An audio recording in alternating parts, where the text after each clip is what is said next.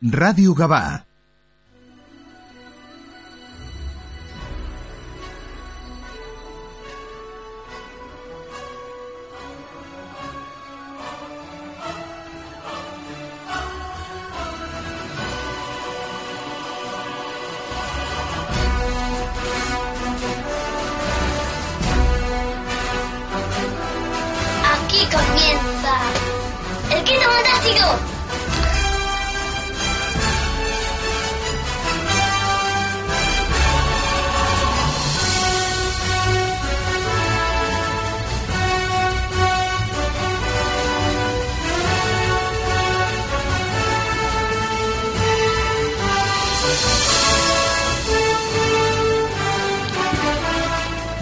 Días y bienvenidos a una nueva edición del Quinto Fantástico.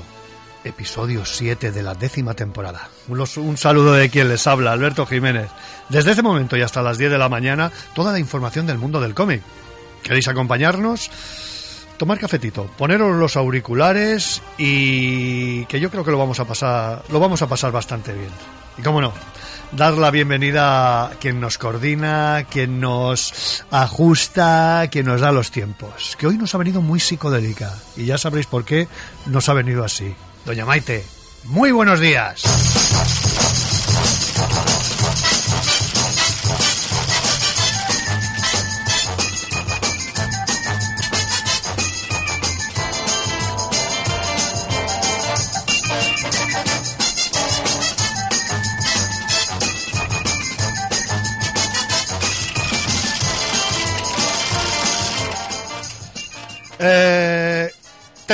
Tendremos dos bloques en el programa. Eh, para empezar, tendremos eh, tendremos a perdón tendremos una historia que sobre todo eh, siempre hemos hemos estado en documentales siempre te viene cuando hay alguna muerte eh, nos viene nos viene que es eh, referencias a este famoso club entre comillas no Eh, y entonces pues siempre nos lo meten ahí. Ahora mismo eh, Red Bull Ediciones a través de David Luna y Rebeca Licegui nos han hecho un librito de lo más interesante con bajo el título El Club de los Malditos Eternos 27 y nos comentan paso a paso y figura a figura todas todas estas figuras que murieron a la edad de 27 años. De lo más interesante. Para después, eh, en el segundo bloque, hablaremos con Luis Armán y Ángel Avellán. Un cómic de lo más interesante. Eh, lo que más miedo te dé. Muy pedagógico, mm, con algo de que puede ser una, una auténtica lacra hoy en día, como es, como es la ansiedad. Lo han trabajado tanto ellos dos en un cómic y creo que puede ser muy interesante hablar con ellos, cómo se ha fraguado, cómo se ha dibujado, cómo se ha guionizado toda, toda esta historia. Así que, sin más, comenzamos.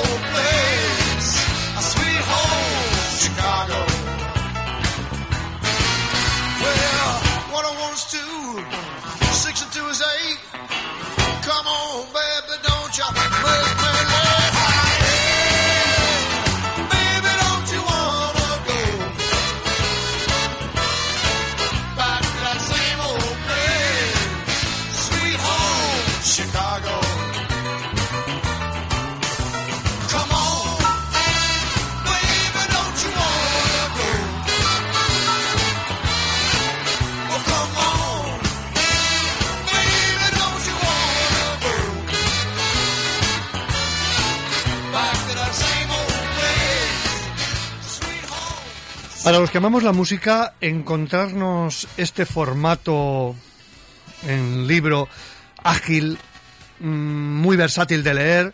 Ha sido todo, todo un auténtico acontecimiento. Yo me he encontrado súper muy buen a gusto y sobre todo con una impresión, una impresión muy, muy grata. El Club de los Maldi- Malditos, Eternos 27. Recibamos a, como se merecen, a, nues- a, a los dos creadores de este proyecto. En primer lugar recibiremos a Rebeca Licegui. Es cole- colegis- colajista, director de arte y diseñadora gráfica titulada por la Escuela de Masana de Barcelona. Desarrolla, su trabajo artístico a través de la técnica del collage muy clásico, muy manual. Su obra se ha expuesto en espacios como en Barcelona, Madrid, Los Ángeles, Varsovia, Berlín. Creo que lo mejor sea que ella misma, ella misma nos cuente todas sus aventuras. Doña Rebeca, muy buenos días y bienvenida al Quinto Fantástico. Hola, buen día, ¿qué tal? ¿Cómo estáis? Buen día, ¿qué tal? ¿Cómo estamos? Pues muy bien, encantada de estar aquí con vosotros. Ay, genial, genial. Ya fresquito in- incluso hasta por aquí. ¿Estás en Barcelona? No, estoy en Madrid en este Ah. momento. Yo actualmente vivo en Madrid. Vale, vale, vale, vale, vale, Y perfecto. aquí sí que hace frío, frío, frío. sí que es verdad, que sí que es verdad, que allí sí que, vamos, allí hay que ir rápidamente con la bufanda y el gorro. Exacto.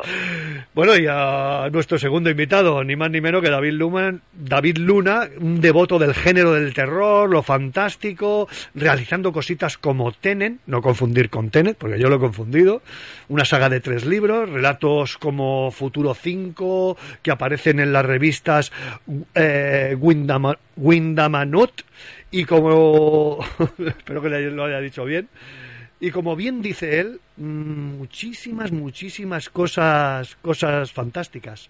Don David, muy buenos días y bienvenido al Quinto Fantástico de Radio Gabá.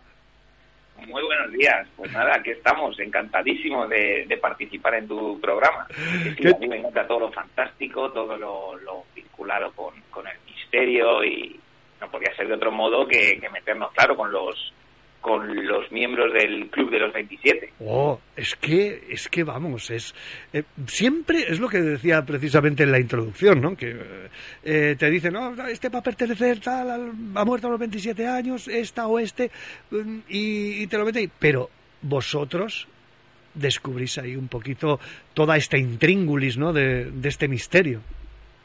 Sí, sí, la verdad que, bueno, Club de los 27 ya es muy conocido, ¿no? Eh. Pues sobre todo a partir de la, de la muerte de, de Kurt Cobain. Pero, y, y yo como, bueno, nací en el 76, para mí yo era pues, de, de- de esa época justo, ¿no? A mí me impactó muchísimo la muerte de, de, de Kurt, era un seguidor total de Nirvana. Y a partir de ahí empieza a hablarse de ese club de los 27 y desde entonces pues yo siempre he sentido como mucha curiosidad al respecto. Y, y efectivamente se em- empezó, empezó, sobre todo los medios, ¿no? A tirar del hilo, a ver quién hay por aquí, quién hay por aquí, claro, y se descubre pues que, es una barbaridad. Ya solo en dos años, ¿no? Eh, Del 69 al, al 70 mueren nada más y nada menos que, que eh, Hendrix, eh, Joplin, Morrison y, y Brian Jones. ¿no? Entonces, Ujú. claro, ahí es cuando el mundo empieza a decir, oye, a ver si va a haber una maldición de verdad, ¿qué está pasando aquí? ¿no? Y, y yo me, me, me sentí fascinado desde entonces por esto. Rebeca, ¿tú también te sientes fascinada por el, por, sobre todo por este club, por llamarlo maldito? Sí, yo absolutamente. Em, más que por el aspecto este de la maldición y tal, por el aspecto musical, ¿no?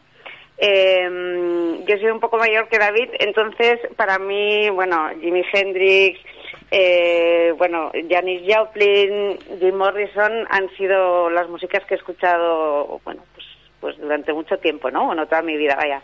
Y han sido, pues eso, referentes muy importantes.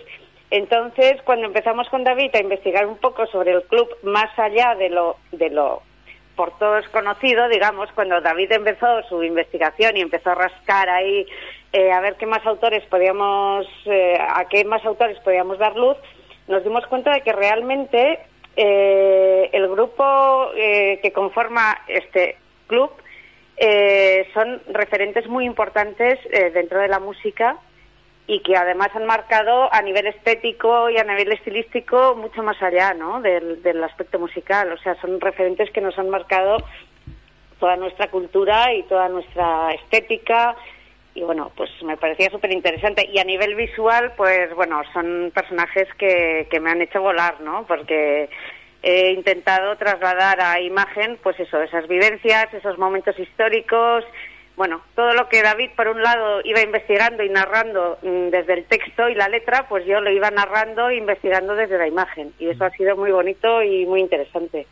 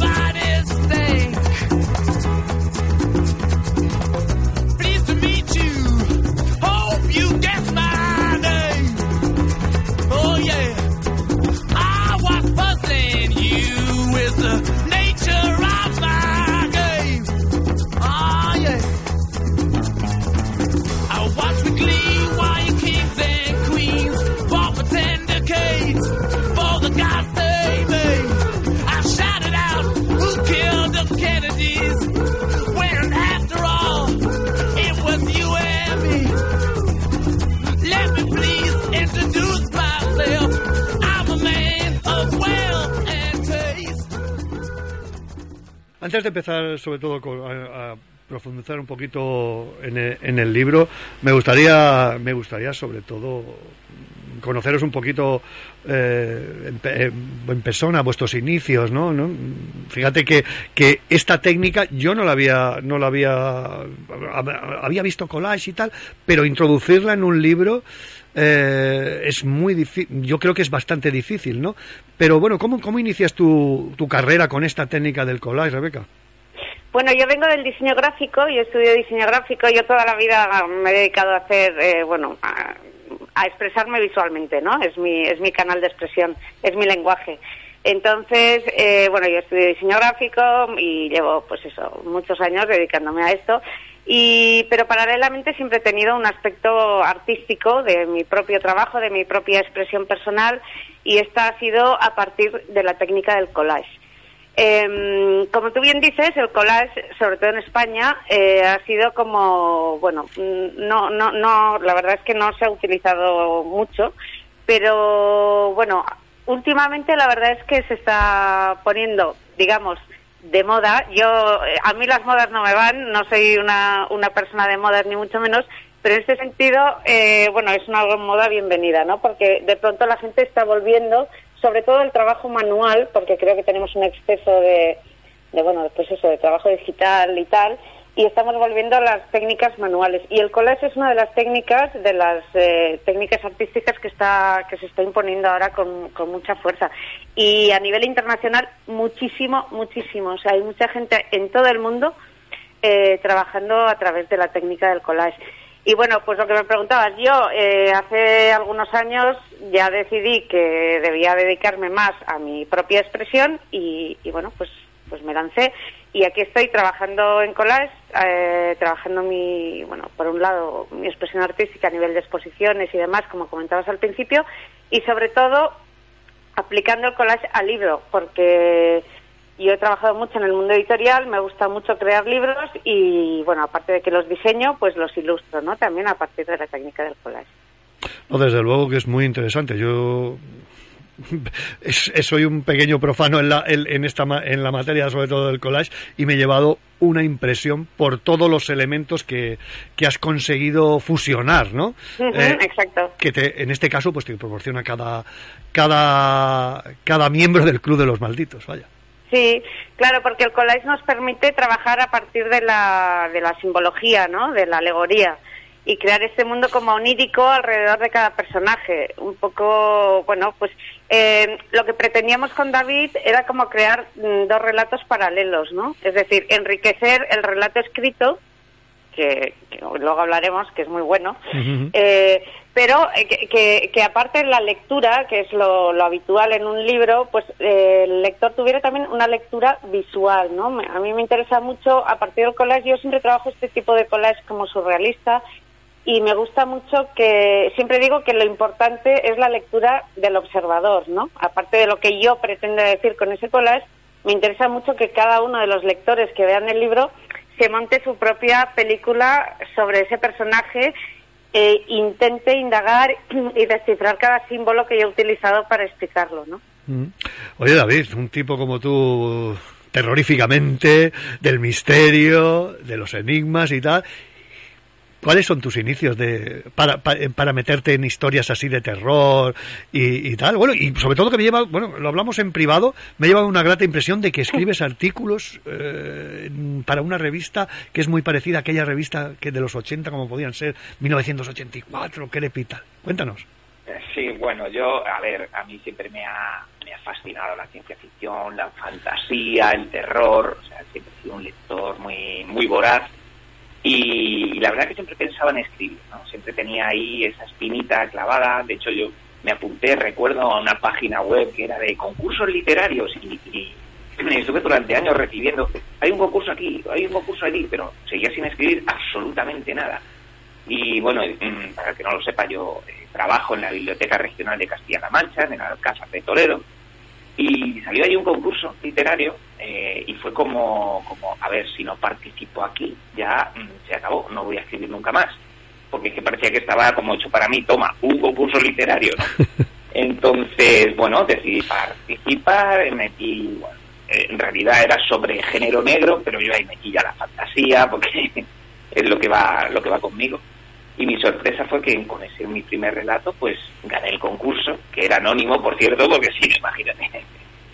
Y me animé a continuar y empecé a ganar, eh, bueno, pues muchísimos premios por toda, por toda España, en, no sé, en Vigo, en Madrid, en Écija, en muchísimos sitios.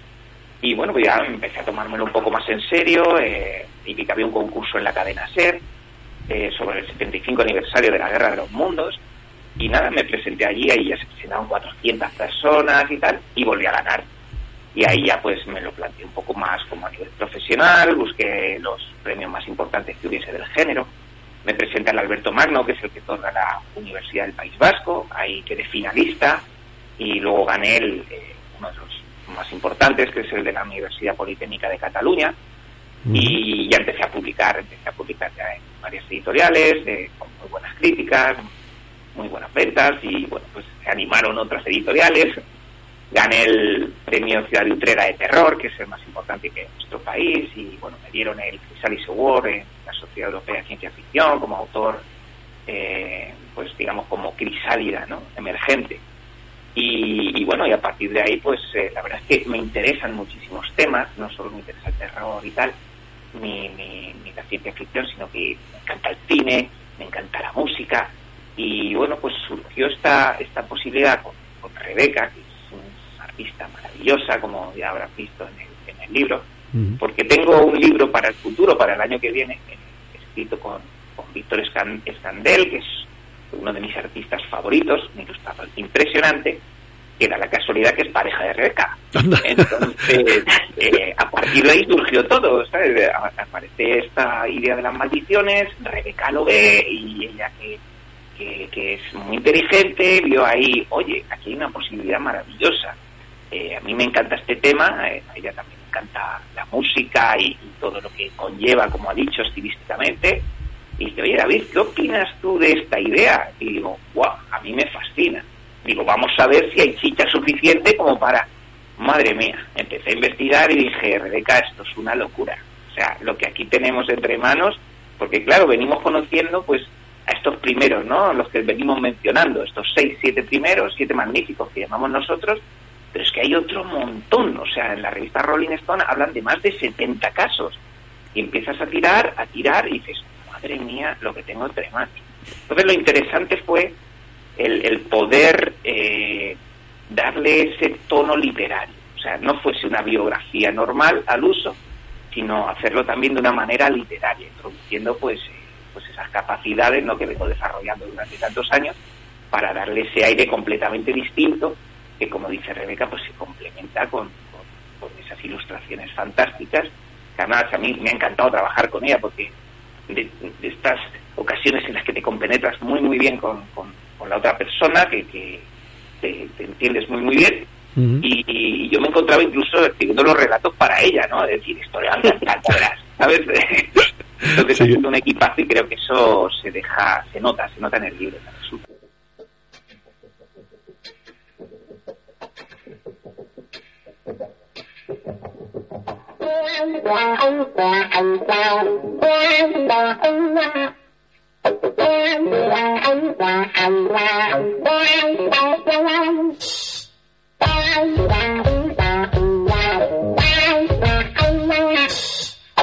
Oh, oh,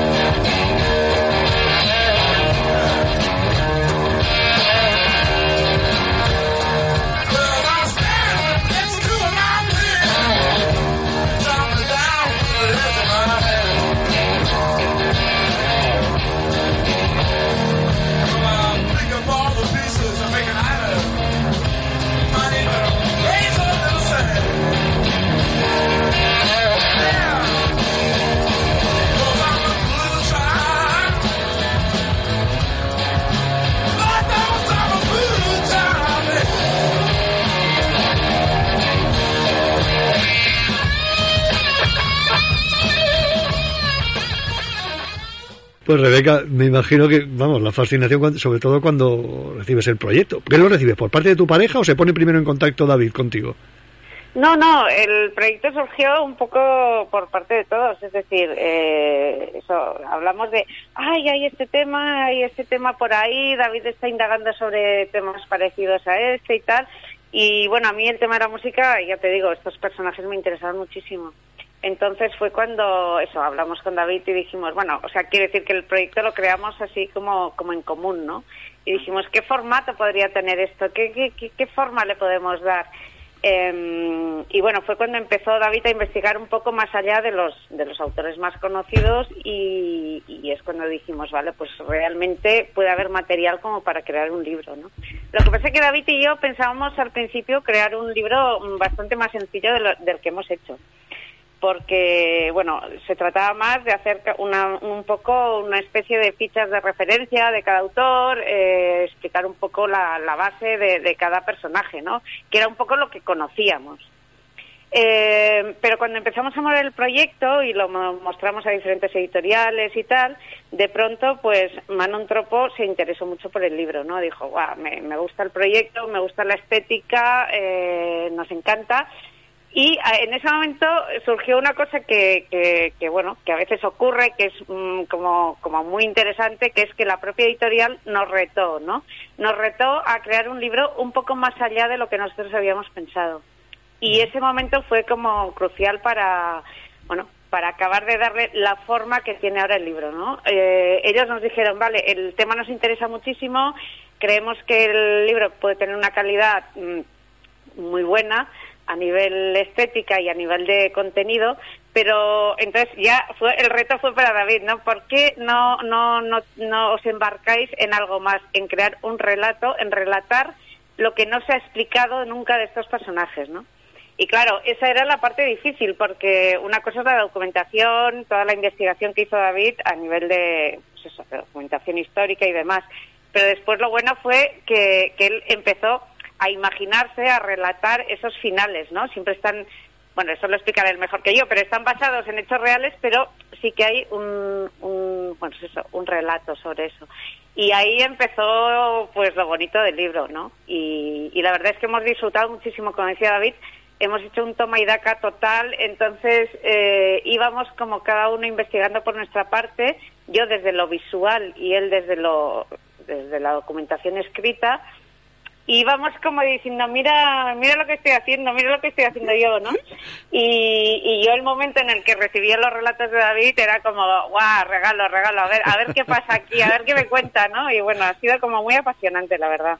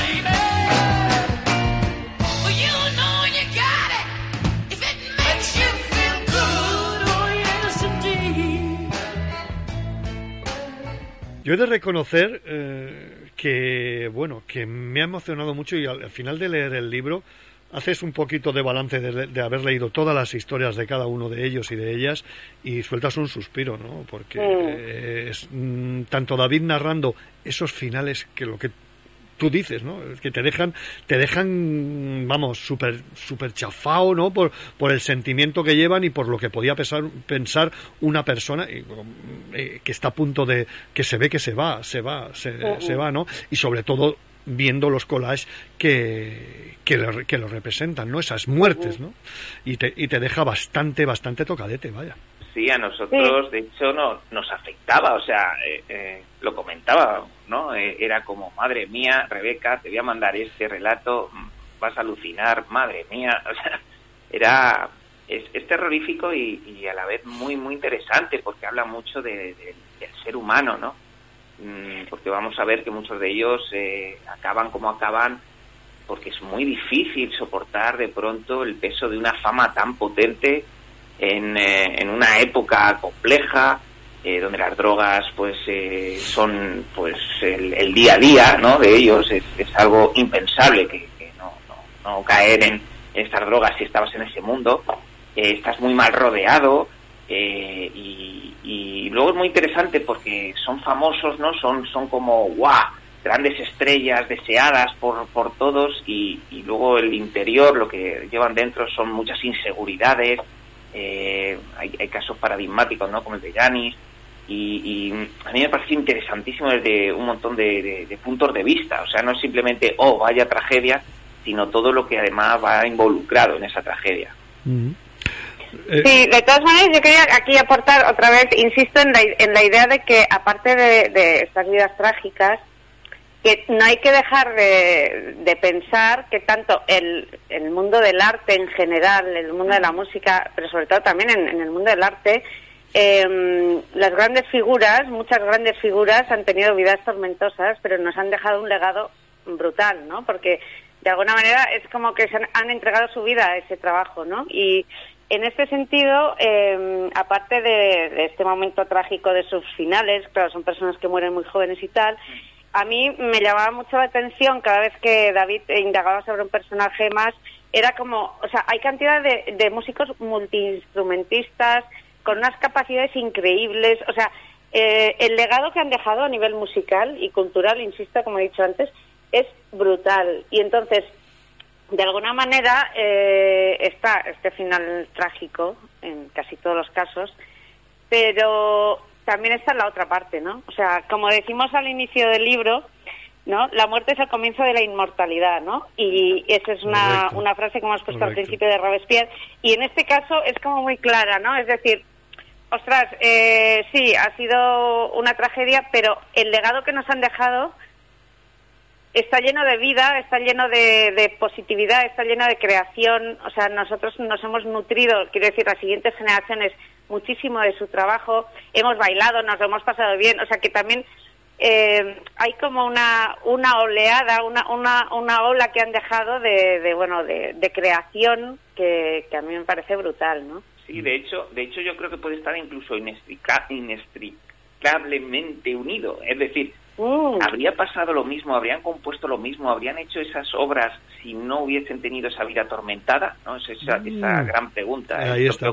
Propio Kurt Cobain- Claro, porque son personas que en muchos casos eh, viven como muy al límite, es lo que mm, eh, intentaba decir, ¿no? O sea, eh, yo qué sé, el caso de Jim Morrison es como muy claro, ¿no? O sea, él lo Mm. dice desde el principio, lo dice en sus letras, o sea, es como, es una carrera mm, a tope, a tope, sin freno, ¿no? O Sí. sea, es como... Sí. Eh, la experimentación también también es lo que decía David hay que situarse en el momento no Eh, es muy importante por eso hemos creado también en todos los personajes una ficha porque yo creo que para estudiar cualquier cualquier autor cualquier creador hay que situarse en el momento histórico es decir no no es lo mismo vivir en los años 60 en el 65 que, que, que en el 2023, ¿no? O sea, el momento es distinto, eh, la vivencia de las drogas es otra, eh, la liberación sexual es otra, o sea, hay muchos aspectos que mm, hacen que los personajes vivan y se comporten de estas maneras, ¿no? Claro, y es muy evidente, por ejemplo, ese, ese Back to Black, eh, por ejemplo, de Amy Winehouse, nace a raíz del dolor que tiene, ¿no? Por, por haber perdido supuestamente a su novio. O sea, se necesita mucho de ese tormento eh, en ocasiones, o por lo menos para estos artistas, para haber llegado tan, tan arriba. O sea, es como desde el fango, es como una flor de loto, ¿no? Necesitas ese fango para, para, para dar algo tan bonito. mucha sensibilidad también, ¿no? Mucha sensibilidad es. Eh, no bien canalizada, digamos. eh, pero bueno, es, eh, insisto, es que en el mundo de la creación, mm, eh, bueno, esto es, es así, ¿no? Yo hace ra- rato que he tirado directamente el guion porque es un placer veros, veros, escucharos, es un auténtico placer, ¿no? Eh, de- y sobre todo hablando de un género que, que a no todos nos fascina, como es la música y esto y estos enigmas, ¿no? Yo no sé si habréis leído, ah, sobre todo el primer personaje, Robert Johnson, ¿no? Que hay, hay un cómic mm, que, que, que te habla un poco de la vida, ¿no? Que lo hace, lo hace genial, lo hace Mecho y Dupont, dos franceses, que es Love in Vain. No sé si lo habéis, si habéis, si lo habéis No, llegado pues a leer. Pero, pero me interesa muchísimo, porque leí no. de todo de Robert Johnson. Pues, oye, cógetelo, porque, mira, precisamente en la, en la, en la biblioteca de aquí de, de Gabá hicimos un- una charla coloquio sobre este cómic, sobre Love in Vain, de Metzo y Dupont, y es una auténtica gozada, es una auténtica gozada porque eh, te recrea todas las situaciones aquellas con, con el diablo, ¿no? que se lo- con todos estos enigmas eh, o, leyendas urbanas, ¿no? que representa que se le presentan a, a Robert Johnson, ¿no? Bueno, es que es un poco casi el origen, ¿no? De, de, Ujú. de- de toda esta maldición. Eh, Robert Johnson. También hay un documental muy interesante en Netflix que han sacado. Ujú. Y, y efectivamente es, es como el abuelo, ¿no? Llaman el abuelo del rock and roll. Es- ese pacto diabólico, ¿no? Con, con el que comenzamos, porque Robert Johnson es el primero de los autores. Y, y es espectacular, ¿no? Porque lo que estamos hablando, en, en, en su caso, estamos hablando de los años 30 en Mississippi nada menos. Es un personaje negro que además Exacto. eh, defenestrado por los blancos y además toca blues, que es la música del diablo para los negros, lo cual también les da mucho pánico, también es defenestrado por los suyos. Entonces, eh, qué mejor para él que crear también un personaje que le pueda proteger de unos y de otros. el diablo viene conmigo, ¿no? Y, y esa historia en la que él es un guitarrista pésimo, desaparece durante un año y empieza en sus canciones a hablar de ese posible eh, pacto eh, diabólico en Clarksdale. Bueno, allí en Estados Unidos hay un hito puesto todavía en ese supuesto cruce de camino, ¿no? Y, y de pronto dice, no, no, es que el diablo viene conmigo, empieza a tocar y todo el mundo ve, vaya, si hay como dos personas tocando, ¿quién es el otro que toca con él? O cuando graba sus 29 Bueno. míticas canciones lo hace de cara a la pared, de espaldas, como para que no le vean lo que está haciendo. Unos dicen que es para que el, el sonido sea mejor y tal, y otros, los que les gusta más la leyenda urbana, es como para que no le vean poseído, que es el diablo el que está tocando junto a él, ¿no? Es, es apasionante la historia, su final es tremendo, o sea, su final envenenado con bolas de naftalina, es algo absolutamente increíble, es una historia para empezar muy, muy potente que nos va a indicar lo que viene a continuación.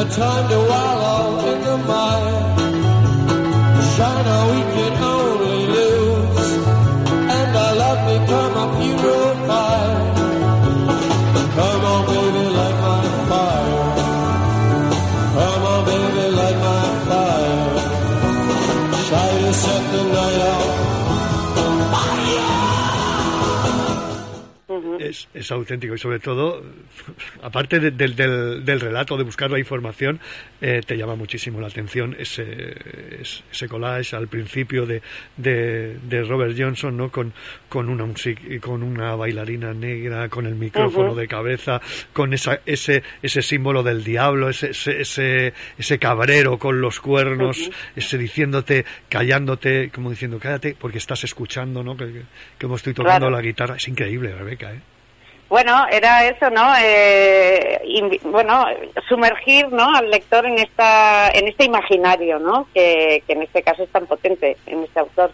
Y volvemos a lo que hablábamos, ¿no? A situar en la época también, ¿no? A situar en la época, en los años 30, como decía David, en un momento histórico y en un lugar determinado. Entonces, bueno, también los collages de alguna manera intentan, a nivel cromático y formal, trasladarte un poco a esos mundos, ¿no? A, esas, a esos momentos, igual que Robert Johnson es como, quizás el collage como más oscuro, ¿no? Del- de- porque es como el inicio de todo, ¿no? Después hay otros como más psicodélicos porque hablan de otros autores o de otros músicos que ya, bueno, pues tocan otro tipo de música.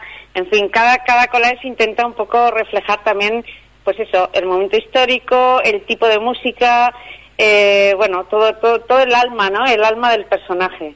Sí. Y sobre todo lo reflejas también muy bien con Brian Jones, ¿no?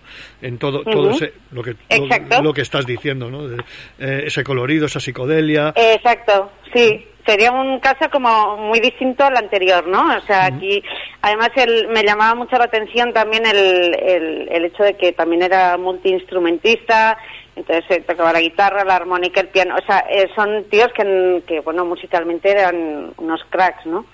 Y luego toda esta vida alrededor de los Rollins y tal, y toda esta psicodelia, bueno, en fin, todo, todas estas cosas, sí.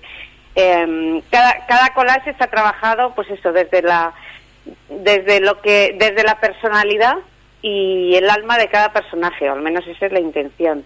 Y luego otra cosa que hemos tenido muy en cuenta también con David, que a mí me ha gustado mucho a la hora de seleccionar los personajes, ha sido, eh, bueno, tener en cuenta eso, primero, el que todos tuvieran una calidad y un nivel muy alto a nivel musical, pero también hemos sido como muy insistentes en introducir también personajes femeninos como son Mia Zapata, Janis Joplin, Amy, Winehouse y bueno, muchas otras, ¿no?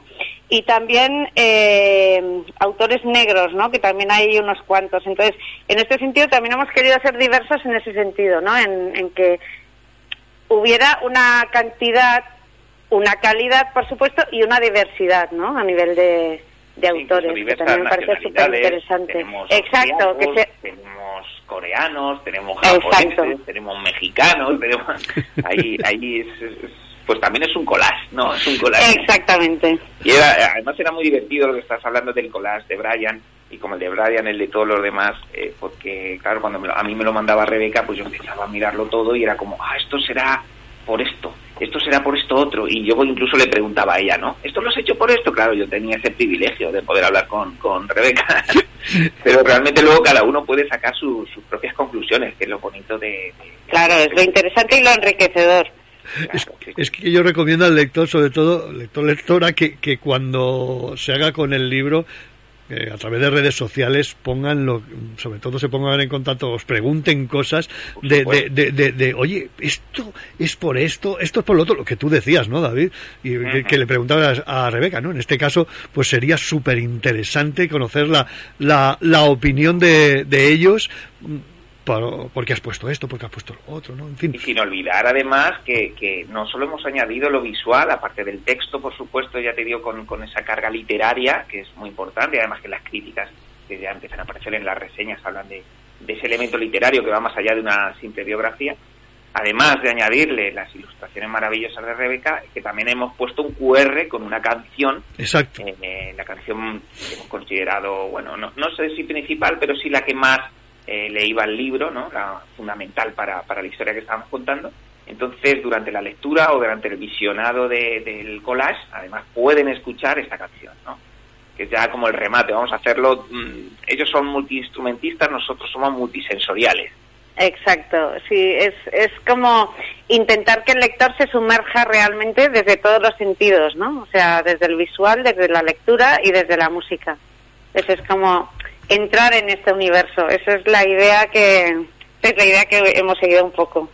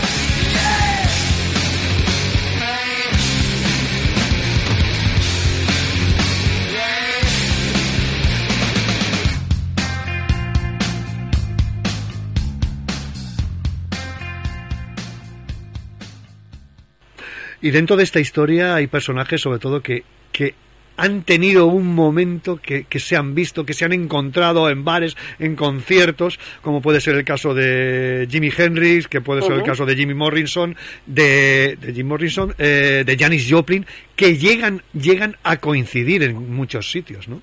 Ya, eso es brutal, es brutal, sí, sí, sí, sí. Sí, porque además de que coincidan históricamente, lo que, lo que he intentado también en los textos es que casi siempre aparezca otro eterno mencionado en el, en el relato. O sea, estamos hablando algo de Jimi Hendrix y aparecerá otro eterno en el relato. En este caso, Brian Jones, que, le, que lo presenta, ¿no? Para en el Festival de Monterrey, ¿no? Siempre digo, ta, ta, ta, nuestro eterno tal, ¿no? Y, y aparecen ahí, es como una, una mezcla, porque al final es todo un grupo que parecen como individualizados, pero efectivamente tienen luego muchísimas relaciones por debajo. No Sí, están interrelacionados. También desde un punto de vista argumental, es, es- realmente es espectacular. Y sí, sí, Jimi Hendrix está muy vinculado con los de su época, y como no podía ser de otra manera, pues efectivamente, con Janis, como Janis después tuvo con Ron McPe- eh, Big Ben McKernan, que, que fue su amante. eh, al- el día del funeral de Jimi Hendrix eh, estaba haciendo eh, Janis Joplin su, su, te- su testamento. Eh, o sea, hay efectivamente unas vinculaciones entre ellos que son extraordinariamente interesantes y que, bueno, hemos intentado reflejar en el libro. Sí, sobre todo, ya te lo, lo de la- yo recomiendo que lo de las anécdotas que no, que no- vamos, es que no pase in- inadvertido, no ese agarrón de pelos a Janis Joplin. Ah, sí. Perdona que te lo diga, es, eso no lo sabía y Oye, claro, la otra ni corta ni perezosa le rompe una botella en la cabeza, ¿eh? qué fuerte, es, es, es, eh, es increíble. Y los dos personajes que vosotros muy, como vosotros muy bien decís, que son los que mm, parece que, a ver, eh, anteriormente que sí, habían muerto mucho, pero yo creo que dan ese golpetazo a ese maldito club de los, de los 27 que son Kurt Cobain y Amy Winehouse, ¿no? Que Ujú. ese pesti, como aquel que dice, "Ostras, ¿qué pasa aquí, no? Sí, sí, de hecho, eh, como club en sí eh, no, no se conoce hasta que hasta que muere Kurt, como comentaba antes, sobre todo a raíz de- del comentario que hace su madre, Wendy O'Connor, cuando van los periodistas allí a su casa y, y, bueno, pues ella dice ese ese famoso ahora se ha ido y se ha unido a ese estúpido club, le dice que no se uniera a ese estúpido club Sí, y qué estaba frase. en realidad a, a dos tíos de Kurt y a un tío abuelo que se habían suicidado, ¿no? Pero la prensa empieza a decir, oye, ¿de qué club estamos hablando? Y empiezan a tirar del hilo y es cuando encuentran pues esa carnaza, ¿no? Tan, tan interesante del Club de los 27. Y luego ya, claro, el refuerzo final es en el 2011 Amy Winehouse. Entonces ya ahí es como... Y, y luego se han hecho estudios, lo comentamos al principio del libro, que también considero que es bastante interesante, 27 claves sobre el Club de los 27, hablo sobre los estudios que se han realizado, se han hecho diversos académicos, y para ver qué hay de verdad ¿no? en esta maldición. Y, bueno era interesante ver que oye pues mira que casi que se han muerto los mismos con 28 que incluso hay algunos que, que hay más con 25 que pero la diferencia es la importancia brutal de esos músicos que mueren con 27 ahí está la clave para conformar ese club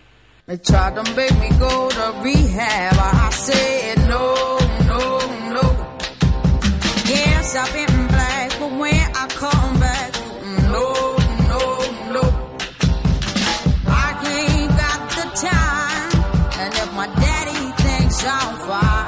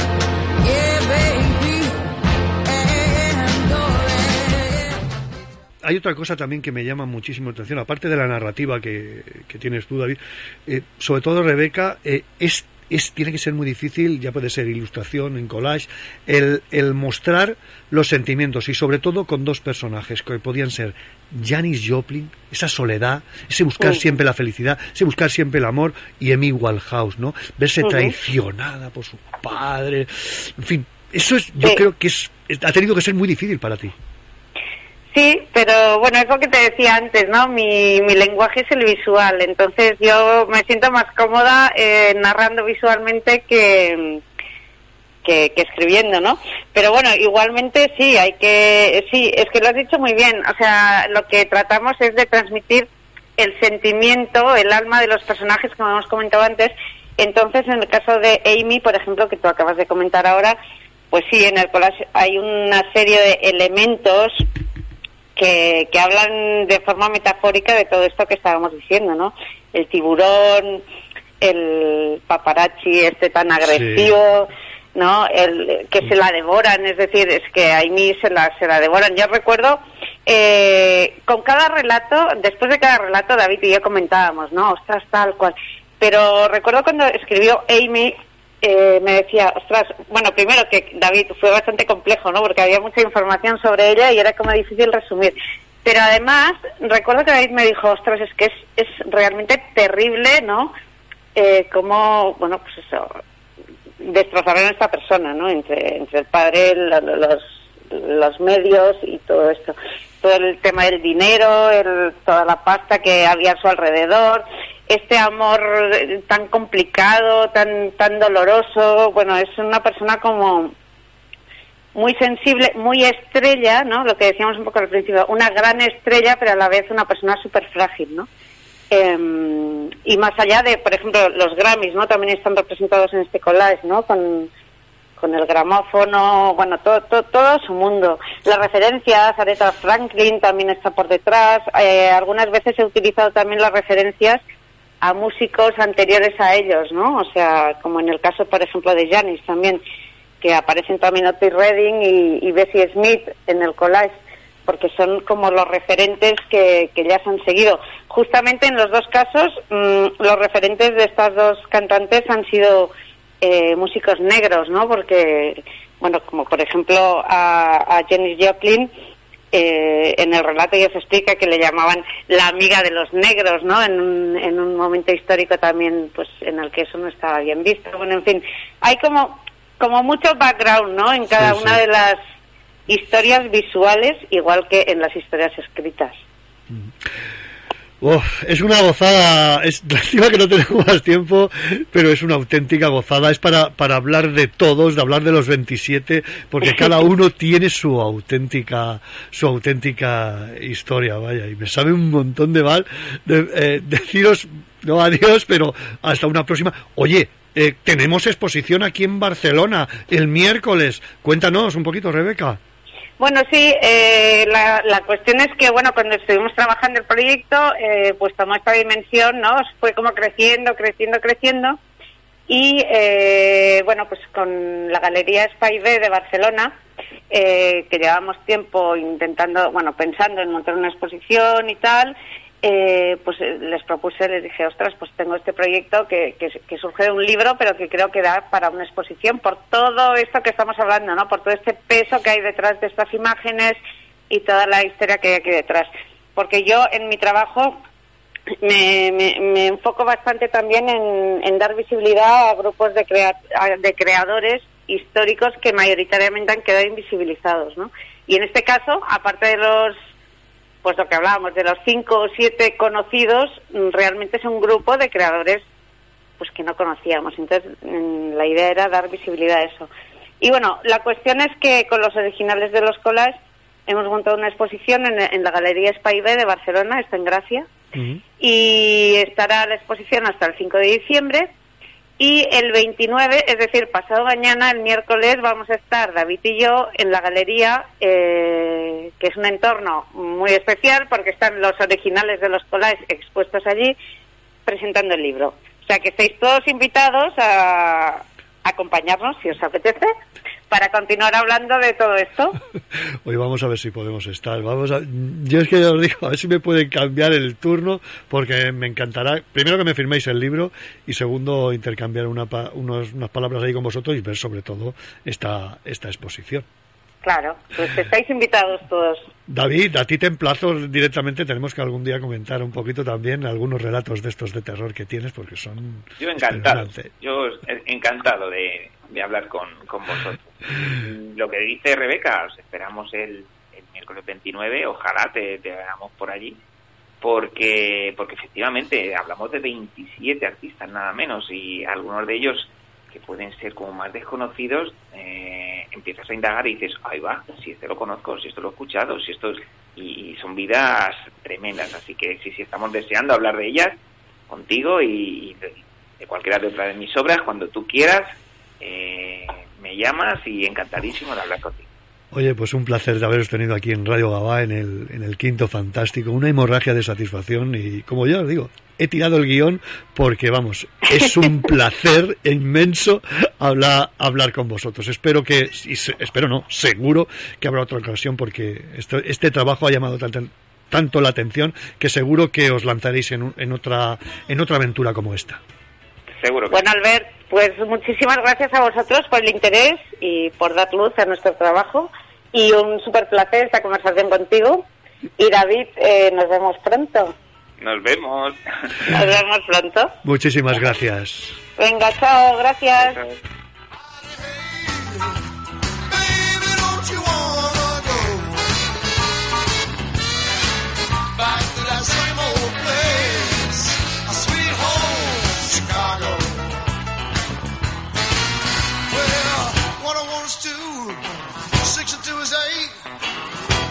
on, baby, don't you make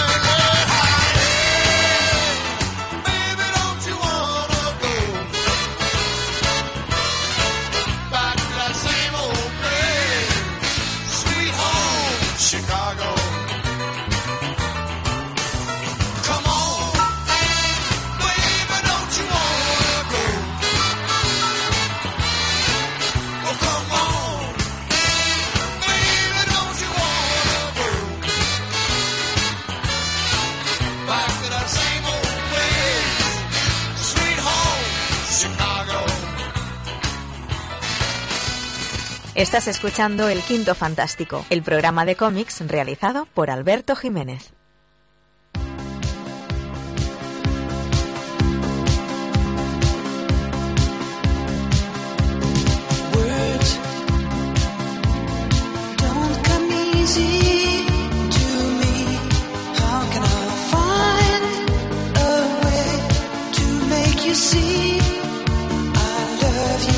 Words don't come easy. Words don't come easy to me. This is the only way for me to say I love you. Words don't come easy. Well, I'm just a music man. Melody so far my best friend.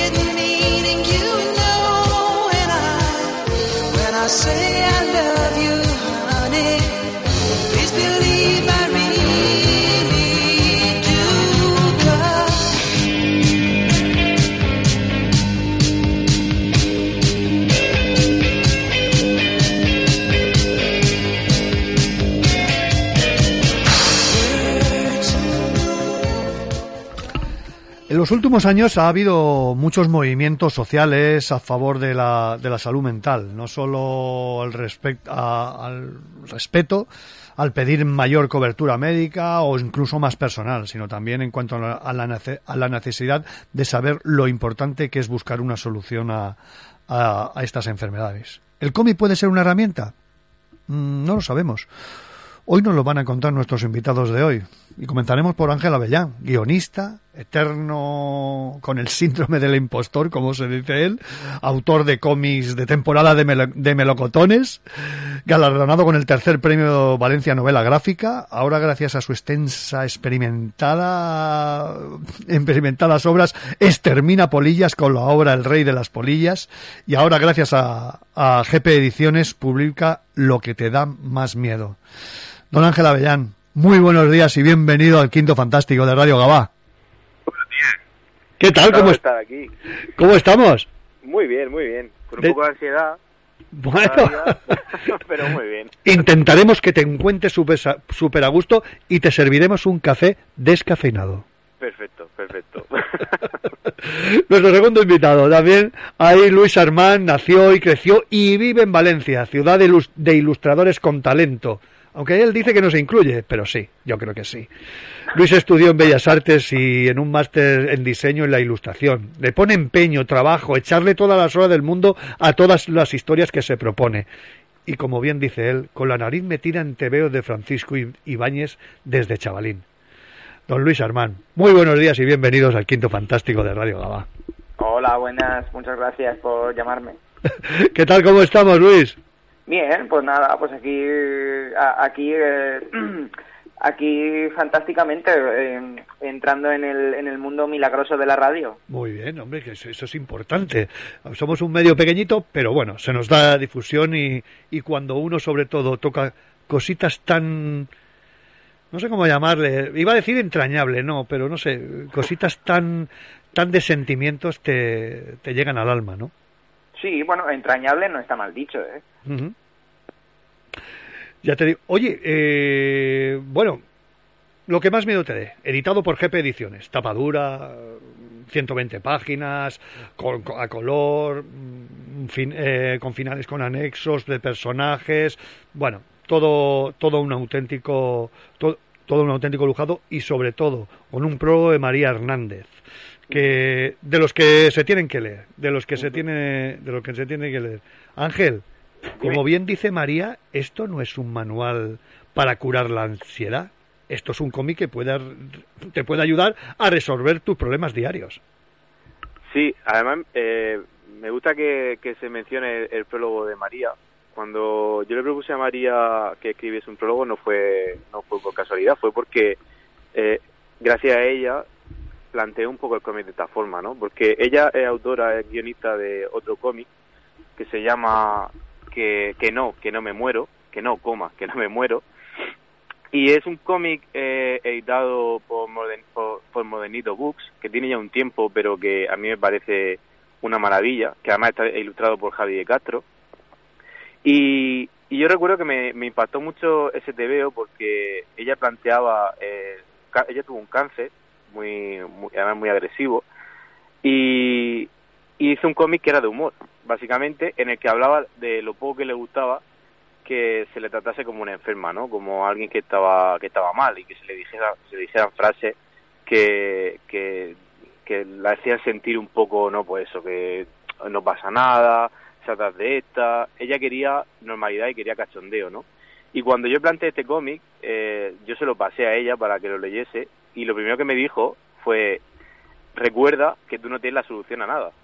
Porque al Mm. final, tu caso es tu caso y en los temas de salud mental, tú puedes explicar eh, qué te ocurre a ti, pero nunca dar lecciones de, de cómo tiene que actuar otra persona, ¿no? Entonces, por eso incido en que no es un manual de cómo superar la ansiedad, sino un manual de cómo yo gestiono mi ansiedad y, y- y que también eh, sé que va a servir para todo aquel que se encuentre en una situación similar, por lo menos para verse reflejado. No sirve para curar, pero sí que sirve a lo mejor para sentirse un poquito mejor, que para eso está la ficción al final, ¿no? Para conectar con los demás y para sentirte un poco arropado, ¿no? Durante, durante un ratito. Y esa era la única función de- del TV. Luis, ¿es tu primer trabajo largo, creo. Sí, sí, Eh, lo es. Lo es, ¿verdad? Es, Y- es correcto, la información es correcta. es lo que me- ¿Cómo mm, cuando lo recibes eh, por parte de, de Ángel dices, ostras, un cómic Sí. de, de este tipo, uf, me sentiré, no sé cuáles son, ¿tienes dudas? ¿Te lanzas? Eh, pues tengo muchísimas dudas, pero bueno, me lanzo igualmente. Quiero decir que, bueno, claro, al final estaba con Ángel comunicado prácticamente todos los días. Eh, el tío pensaría que soy un pesado, pero bueno, eh, si no era pesado el, te- el TVO no salía, así que tenía que ser pesado de todas formas. Y nada, bueno, pues eh, al final lo que más cuesta siempre es empezar, ¿no? Entonces, pues una vez eh, una vez ya se ha empezado, pues es una página tras otra. Y así pues poco a poco, nada, pues eh, lo fui lo fui haciendo. Creo que fue fueron como unos dos años y medio de trabajo aproximadamente. Y nada, bueno, pues el, el resultado lo, lo podéis ver todos, que, que juzgue el público.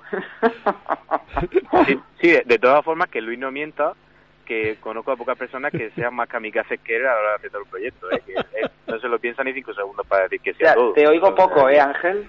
Ojo. Espera, No sé si es, es cosa mía, de mi teléfono o, o de que- control de sonido. en fin. Espera que Maite igual nos hace algún arreglito, a ver. Perdón, ¿eh? Perdón. No, no, no, haces bien en decirlo porque sobre todo eh, la, la entrevista se tiene que escuchar bastante clara y sobre todo que os oigáis vosotros. Gracias. Dime, ah, ahora creo que a su- eh, sí, eh, Ángel.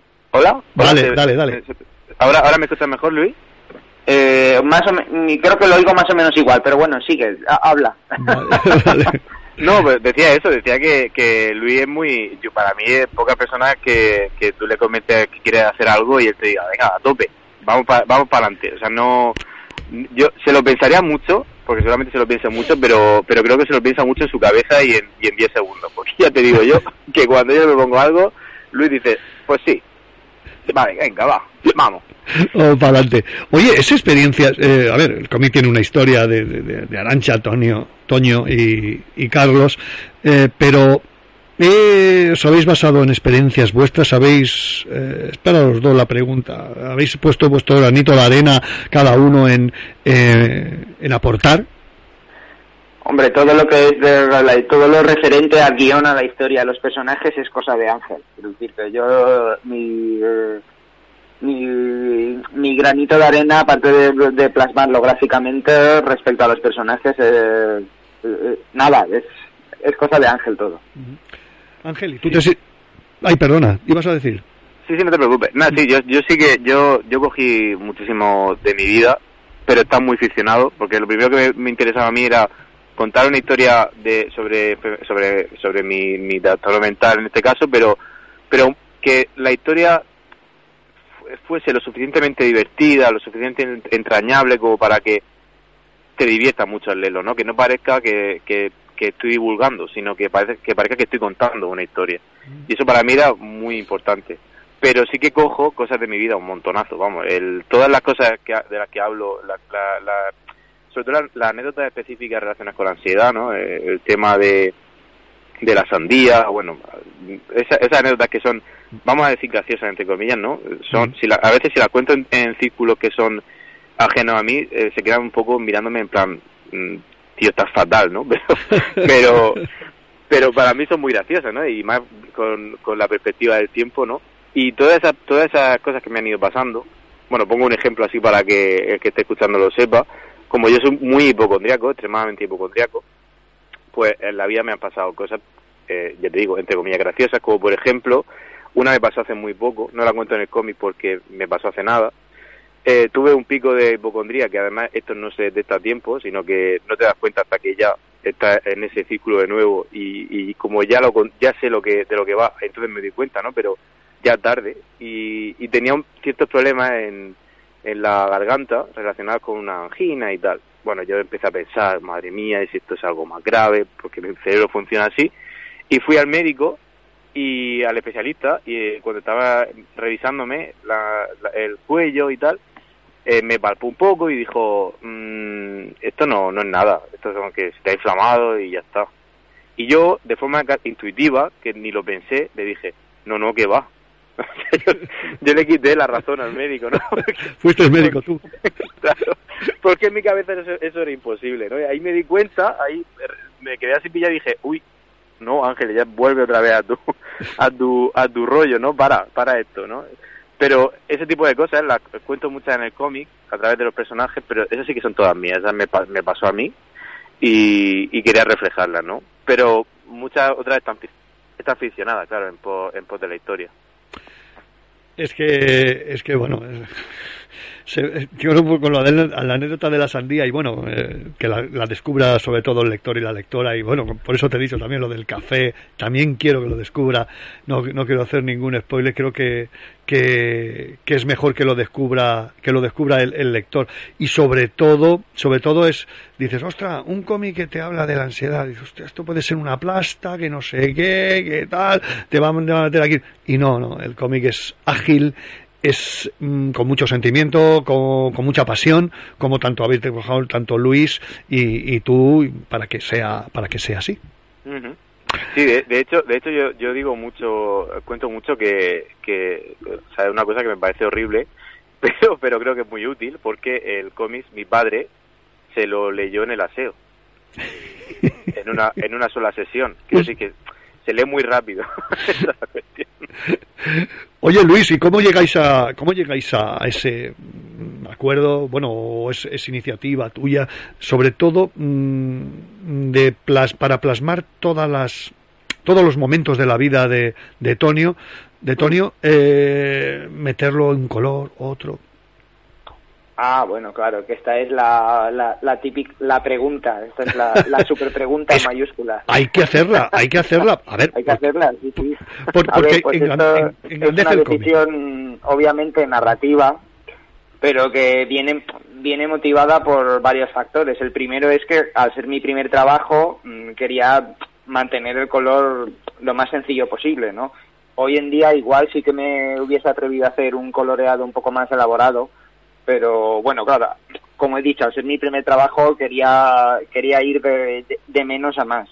Y bueno, también eh, tuvimos eh, el consejo de nuestro editor en La Sombra, o sea, nuestro editor no oficial, que era Miguel Ángel Giner, que nos comentó que era necesario separar lo máximo posible mediante el color los diferentes estados de la realidad entre los que transita el protagonista. Y bueno, pues es, pues ahí, ahí está, es una decisión motivada por esos dos factores. Es que me encanta y sobre todo porque en momen- sobre todo le das más el valor a esta a esta decisión en momentos claves del cómic, ¿no? Cuando cual sobre todo cuando la batalla triunfal, cuando entran, eh, cuando se entra un poco allí los personajes con el coche, con, en contra de los duendes, la parte final, no quiero desvelar absolutamente nada, pero la parte final es muy, muy, muy, esa viñeta de ellos dos, primero de, de- en el momento actual y después, eh, y después cuando pasa el tiempo, ah, ah, perdón, cuando son pequeños, es, es que de las que te llega. Pues muchas gracias.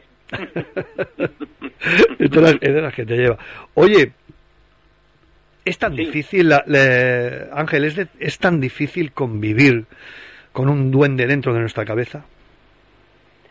Eh, depende del momento, ¿no? Yo yo creo que depende del momento y del duende también, ¿no? Hay cosas que son más complejas que otras al final y, y por eso no me atrevo a decir para cada cual si es más o menos complicado, ¿no? Pero sí que hay una cuestión, yo creo que cuando no hablamos de ciertas enfermedades más graves como una depresión, que debe tratarse tanto fisiológica como, como, como psicológicamente, cuando se, hab- cuando se habla de trastornos de ansiedad diferentes, ¿no? Eh, síndrome de burnout o, o estrés generalizado o, ansiedad o hipocondría ya que se ha cronificado, etcétera.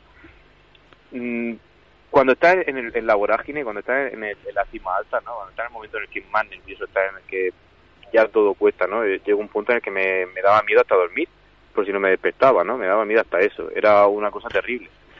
Pero con el tiempo, con el tiempo, y ese es un consejo que me dio alguien hace mucho tiempo y que no me sirvió de nada en ese momento, pero me fue sirviendo con el tiempo. Eh, con el tiempo va siendo un poco, un poco mejor.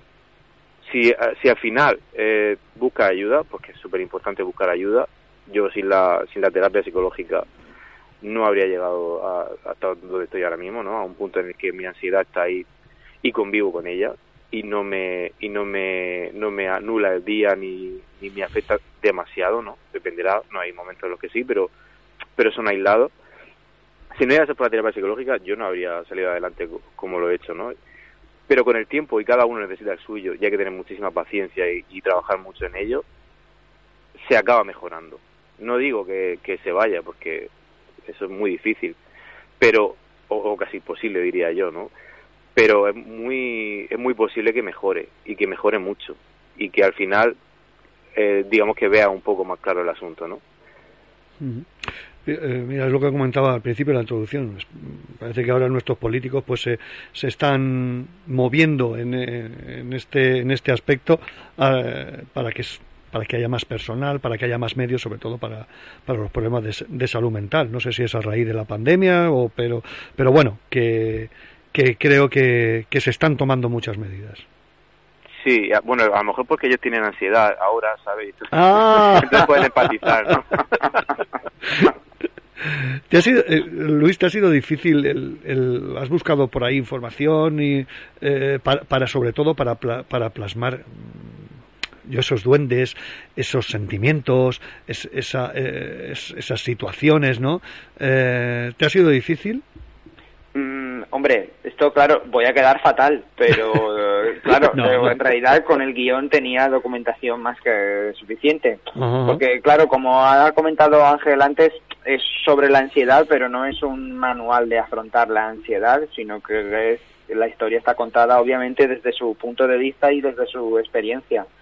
Entonces, mm, claro, tampoco que tampoco quería yo meterme en, medio de eso. No, hombre, aparte, mm, eh, coger personajes como los de los de Tonio, lo de Carlos, Arancha, no sé, creo que mm, creo que tendrías que buscar, un- no sé, bueno, que no lo sé, ojo, eh, ahí estoy, que si, si has encontrado has encontrado eh, bastante clarividencia para para poderlos reflejar en el cómic. Eh, claro, a ver, esto a- al final cuando tú cuentas una historia tan personal que ha escrito otra persona que no eres tú, eh, esa- el guionista se convierte como una especie de tu jefe, ¿sabes? Eh, entonces, pues nada, yo no pocas cosas hacía sin la aprobación de Ángel, aunque luego yo, aunque luego ya una vez estaba toda la base sobre la cual construíamos la casa, cuando ya estaba todo definida ya, pues ya hice lo que quería. Pero vamos, en, en, en primer término el jefe era Ángel y luego ya me sublevé un poco ya hacia el final, pero al final se, al final se, se pero bueno, al final, al final me invitó a su boda y todo. O sea, ¡Ostras! que- Sí, sí, sí, sí, claro, claro. ¿Qué te, qué te parece? Es que, es que el roce hace el cariño y el roce extremo hace el cariño extremo, entonces claro, cosas. Oye, mm, me he saltado una pregunta al principio. ¿Y cómo, cómo llega? ¿Os pone en contacto GP Ediciones? ¿Os conocíais vosotros? ¿Cómo, cómo, cómo empieza esta No, relación? nosotros no nos conocíamos, eh, pero trabajábamos juntos sin saberlo. O sea, esto, eh, aunque suene raro, es así, es, es verdad.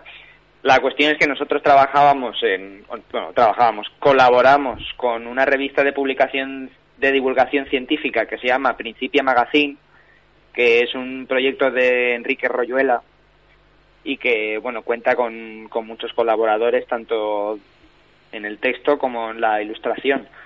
Y bueno, yo publico eh, ilustraciones más o menos regularmente en esa revista y, y Ángel escribe textos más o menos regularmente para esa revista. Entonces eh, yo he, ilu- he ilustrado textos de Ángel sin, sin conocerlo. Ostras.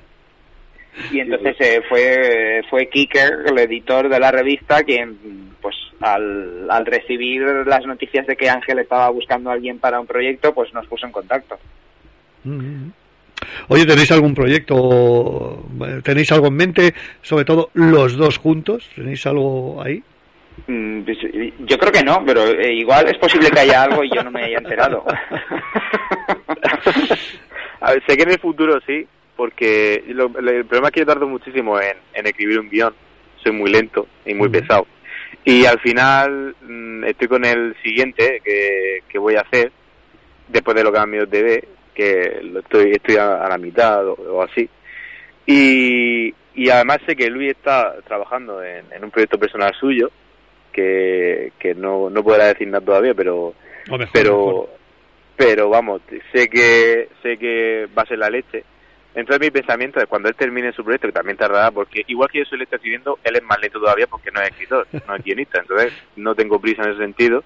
Yo creo que vamos estoy seguro que algo haremos porque trabajar con Luis da mucho gusto. Es muy rápido ya es amigo lo cual facilita muchísimo las cosas y, y ya nos conocemos muy bien eh, como equipo de trabajo. Entonces sería cuestión de esto, ponernos y, y al lío, ¿no? Y, seguro que repetiremos, vamos. No me, no, no, me, no me cabe duda. Pues nada, ahí lo tienes. no, sin desvelar el proyecto, pues si no, todo se chafa. Yo no soy de. No, nos tenéis que dar una primicia aquí y tal. No, no, no. Oye, las cosas hay que hacerlas en un horno y a, temperatura y que se vayan cociendo tranquilamente. Y oye, mm, después darnos el golpetazo. Tranquila, eh, de eso. Oye, Benissa, eh, ¿sabes si. Bueno, me parece que está ahora eh, Madrid. Spocomic, ¿vais a ir, eh, te- tenéis alguna te- tenéis alguna presentación ahora o De momento no tenemos nada, claro. Eh, este TVO salió el año pasado, Claro. hicimos presentación en, en Zaragoza, en Madrid, en Murcia, en, en Valencia y puede que en algún sitio más que ahora no recuerde. Eh, entonces, eh, claro, la, la inercia inicial de cuando ha salido un proyecto nuevo del horno, eh, pues claro, se va diluyendo. Pero bueno, pues eh, para seguir dando la brasa, pues eh, yo, yo creo que próximamente haremos algo. Todavía no sabemos muy bien el qué, pero bueno, algo haremos y cuando se haga, pues avisaremos por los canales pertinentes. Muy bien. ¿Tenéis pensado venir a Barcelona para el Salón del Cómic o, o GP Pues todavía ven. no os ha dicho nada? Si, no- si nos invitan ahí, ahí que iremos. Pues oye, aquí, ah, vamos, espero que espero que os inviten, que GP ponga, GP Ediciones ponga ponga stand y que y que lo y que os podamos ver aquí. Bueno, ha- hacemos un llamamiento a toda la escena comiquera de, Barcelona, vamos. Hombre, hombre, a ver, es que es eso. Eh, a ver, Barcelona, no porque seamos de aquí, pero bueno, es una plaza bastante jugosa y bastante apetecible de, de, de venir. Y bueno, hacemos un café o lo que sea para, para poder vernos y, a- y charlar un poquito más. Lo que Vamos, ojalá, ojalá, ojalá. Yo, te- yo estoy deseando ir a Barcelona al salón. No hay, Mm. el salón más icónico de España, o sea que vamos. Es el más antiguo y sí, sí, es, es el más icónico, ya lo, ya lo puedes decir, sí. Sí, sí, sí. Oye, un placer, un placer teneros aquí, teneros en, hablando de, de este, de esta historia que, repito, no se hace ni mucho menos que ni pesada, que se hace muy amenas, que, que yo me lo, me lo leí en una sentada, me lo, cuando me lo mandó y me lo leí en una sentada porque es que es que te engancha y sobre todo quieres saber más cosas de cómo acaba esta historia de Tonio, de cómo porque es una y de esta historia de amistad, porque al fin y al cabo también es una historia es una historia muy muy muy de amistad entre tres personajes, ¿eh? Sí, sí, porque además creo que, la, que creo que la ansiedad y la amistad son dos elementos que, que van muy de la mano, ¿no? El, el apoyarse en los amigos y que los amigos te entiendan y sobre todo que tú entiendas que, que hay veces que los amigos no pueden entenderte. Esto creo que creo que en el cómic hablo de ello, ¿no? Eh, porque creo que es importante. Hay veces que, que cuando estamos eh, en ese ciclón de ansiedad damos por supuesto que los demás tienen que entendernos, ¿no? Y, y hay muchas veces que es imposible porque nosotros estamos diciéndole a esa persona que dos más dos son siete. y Sí, claro, sí, sí, la persona dice, es que dos más dos son cuatro, y tú ya dices, no me entiendes, y te enfadas, ¿no? Y, y es normal, y es normal, Eso, esta dinámica es normal, pero luego cuando nos relajamos tenemos que entender que no todo el mundo puede comprendernos de la misma forma y no pasa nada, ¿no? Y, y- y todo el mundo tiene que poner de su parte en ese sentido, ambas partes. Así que si la mitad, en ese sentido, con quién te junta y, y, y cómo trata a esa persona cuando está muy mal, y sobre todo cuando te relajas y eres capaz de, de disculparte, ¿no? Si, si se te ha ido la cabeza en ese momento, también lo es. Hay que enmendar las partidas de Monopolis que se jugaron hace muchos muchos años, ¿eh? No, yo sigo jugando, ¿eh? Y- Ay, ay, y ay. La, la gente se sigue enfadando y yo me, me lo paso muy bien. Bueno, pues material para escribir otra una secuela, entonces. Mm, mm, ahí ahí está, ahí está. sí, sí, sí, no te creas que no, ¿eh? Nenes, Ángel, eh, Luis, un placer haberos tenido aquí en el, en el Quinto Fantástico. Espero que no sea ni la primera ni la última y poderos tener otra vez para que me contéis vuestras aventuras, vuestras historias, vuestros proyectos y, y podemos, y podamos pasar un buen ratito. Venga, Nada, pues, pues muchas gracias, gracias. Un placer para nosotros. Un placer. Muchísimas gracias.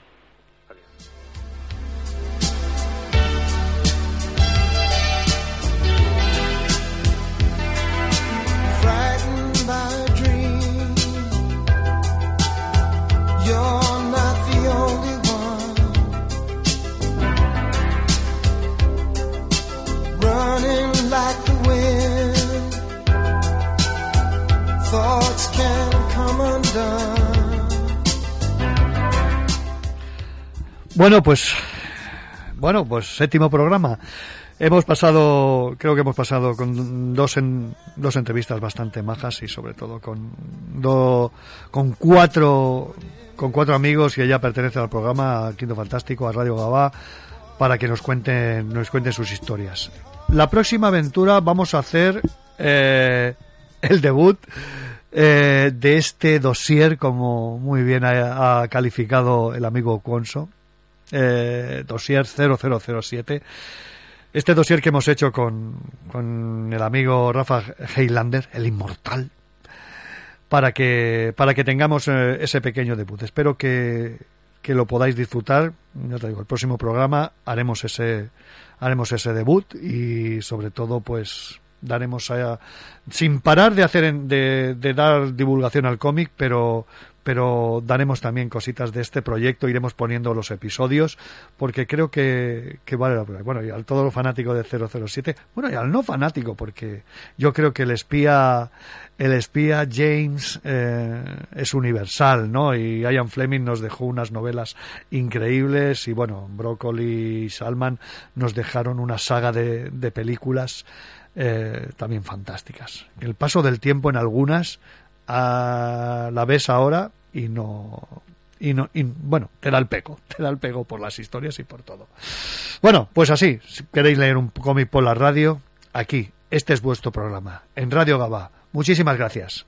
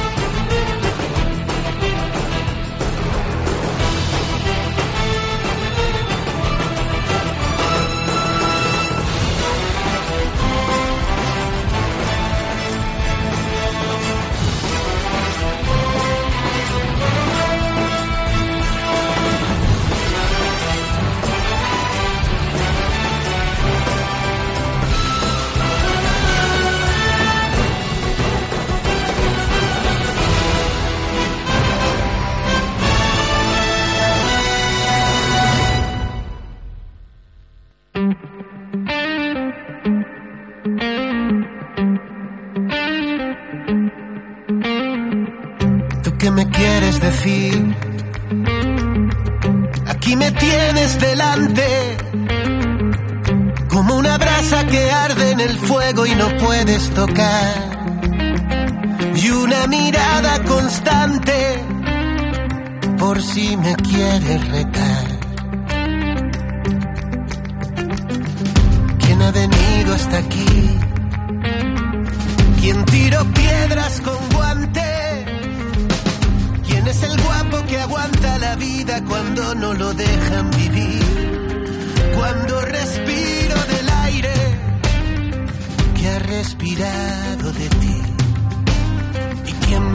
Me manda a mí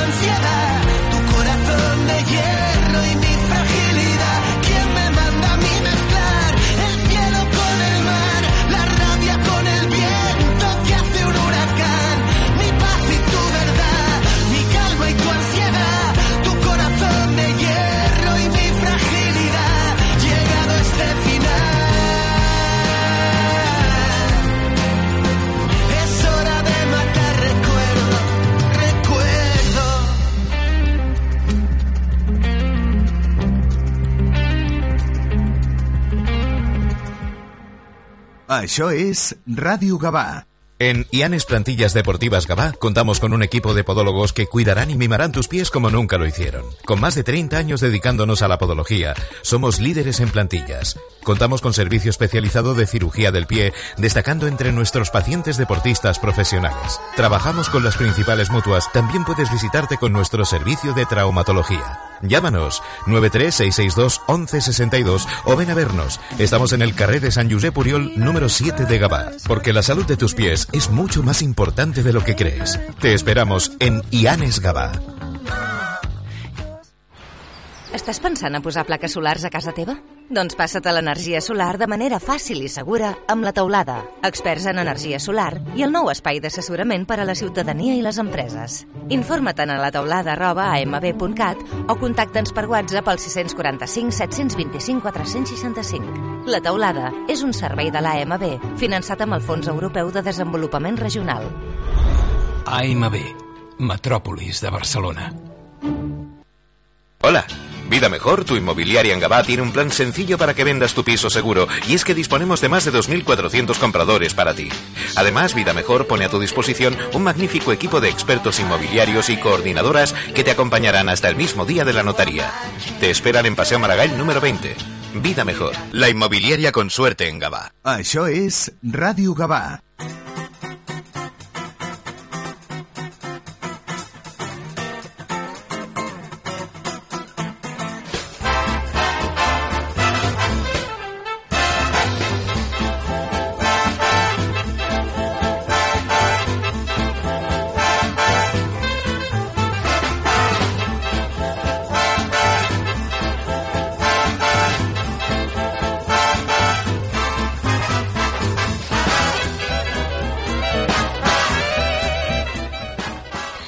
Dia, benvinguts i benvingudes. Comencem amb G de Gavà, el 91.2 de la FM, www.radiogavà.cat i també ens podeu trobar a la nostra aplicació per mòbils, tauletes i dispositius.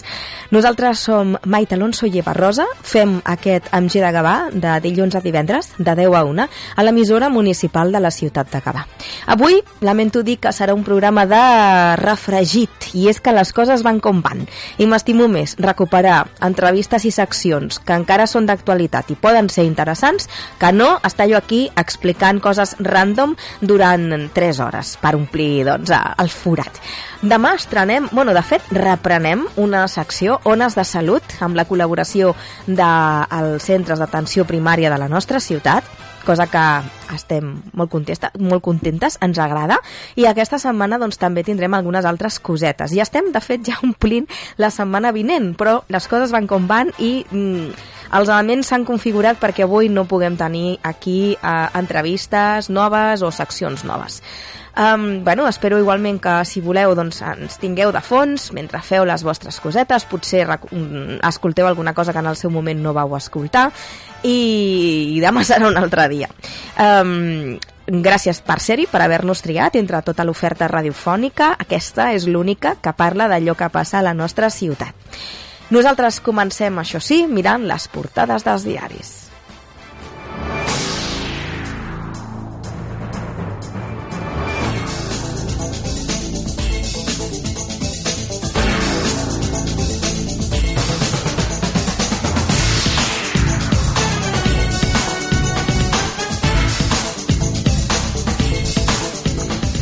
Començarem mirant el diari El País, que avui ens diu Israel i Hamas perllonguen la treva i l'intercanvi de presoners.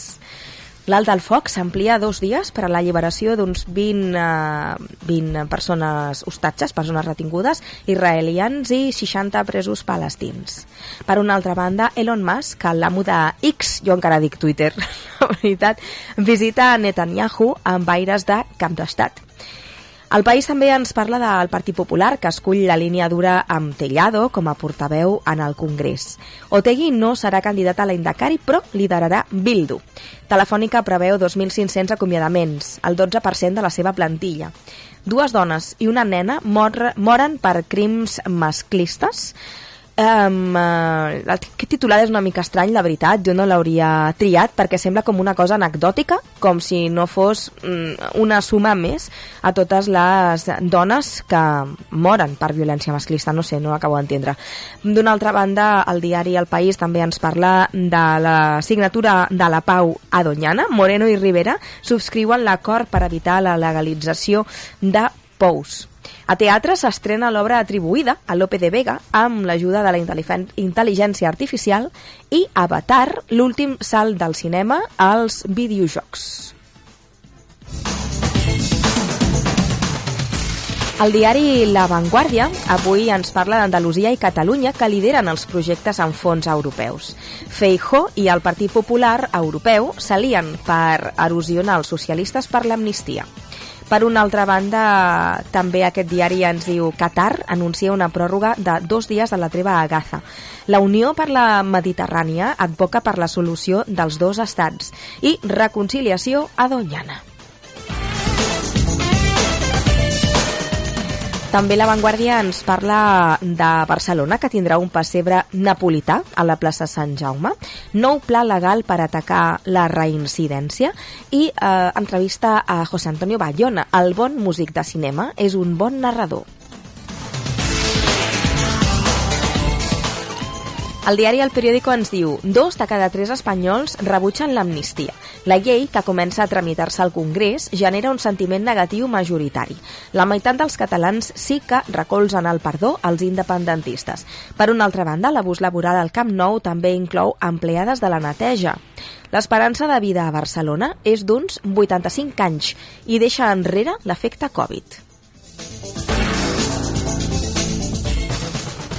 El diari El Periódico ens diu que el Partit Popular es conjura... Ai, un segon, que no sé què he fet. Uh, ara, Ens diu que el Partit Popular es conjura perquè les europees siguin un plebiscit a Sánchez. L'empremta del, ca del caos climàtic a Espanya se xifra en 10.000 milions en només 7 anys. I sprint municipal per adjudicar les parades buides en 10 mercats. L'Hospitalet estudia recuperar el 30% de botigues tancades actualment a les seves àrees comercials. Anem a mirar el diari Ara, que ens diu que Israel i Hamas allarguen la treva a Gaza dos dies més. El nou pessebre barceloní amb bord urbà i caganera.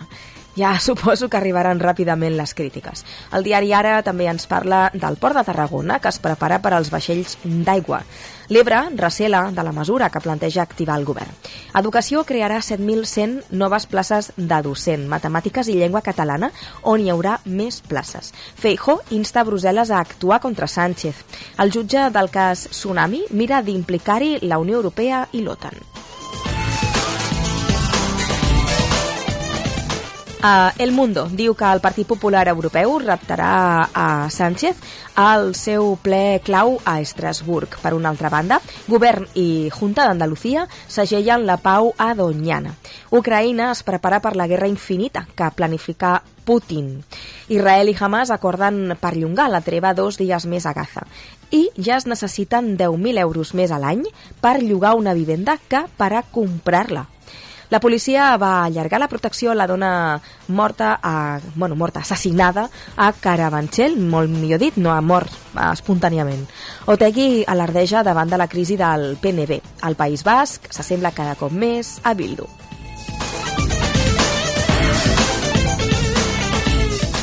El diari ABC avui parla del desconcert en les ambaixades per al gir del procés. Lamenten que exterior no doni instrucció, inst, instruccions ara que han de defensar allò contrari a l'1 d'octubre. I, per una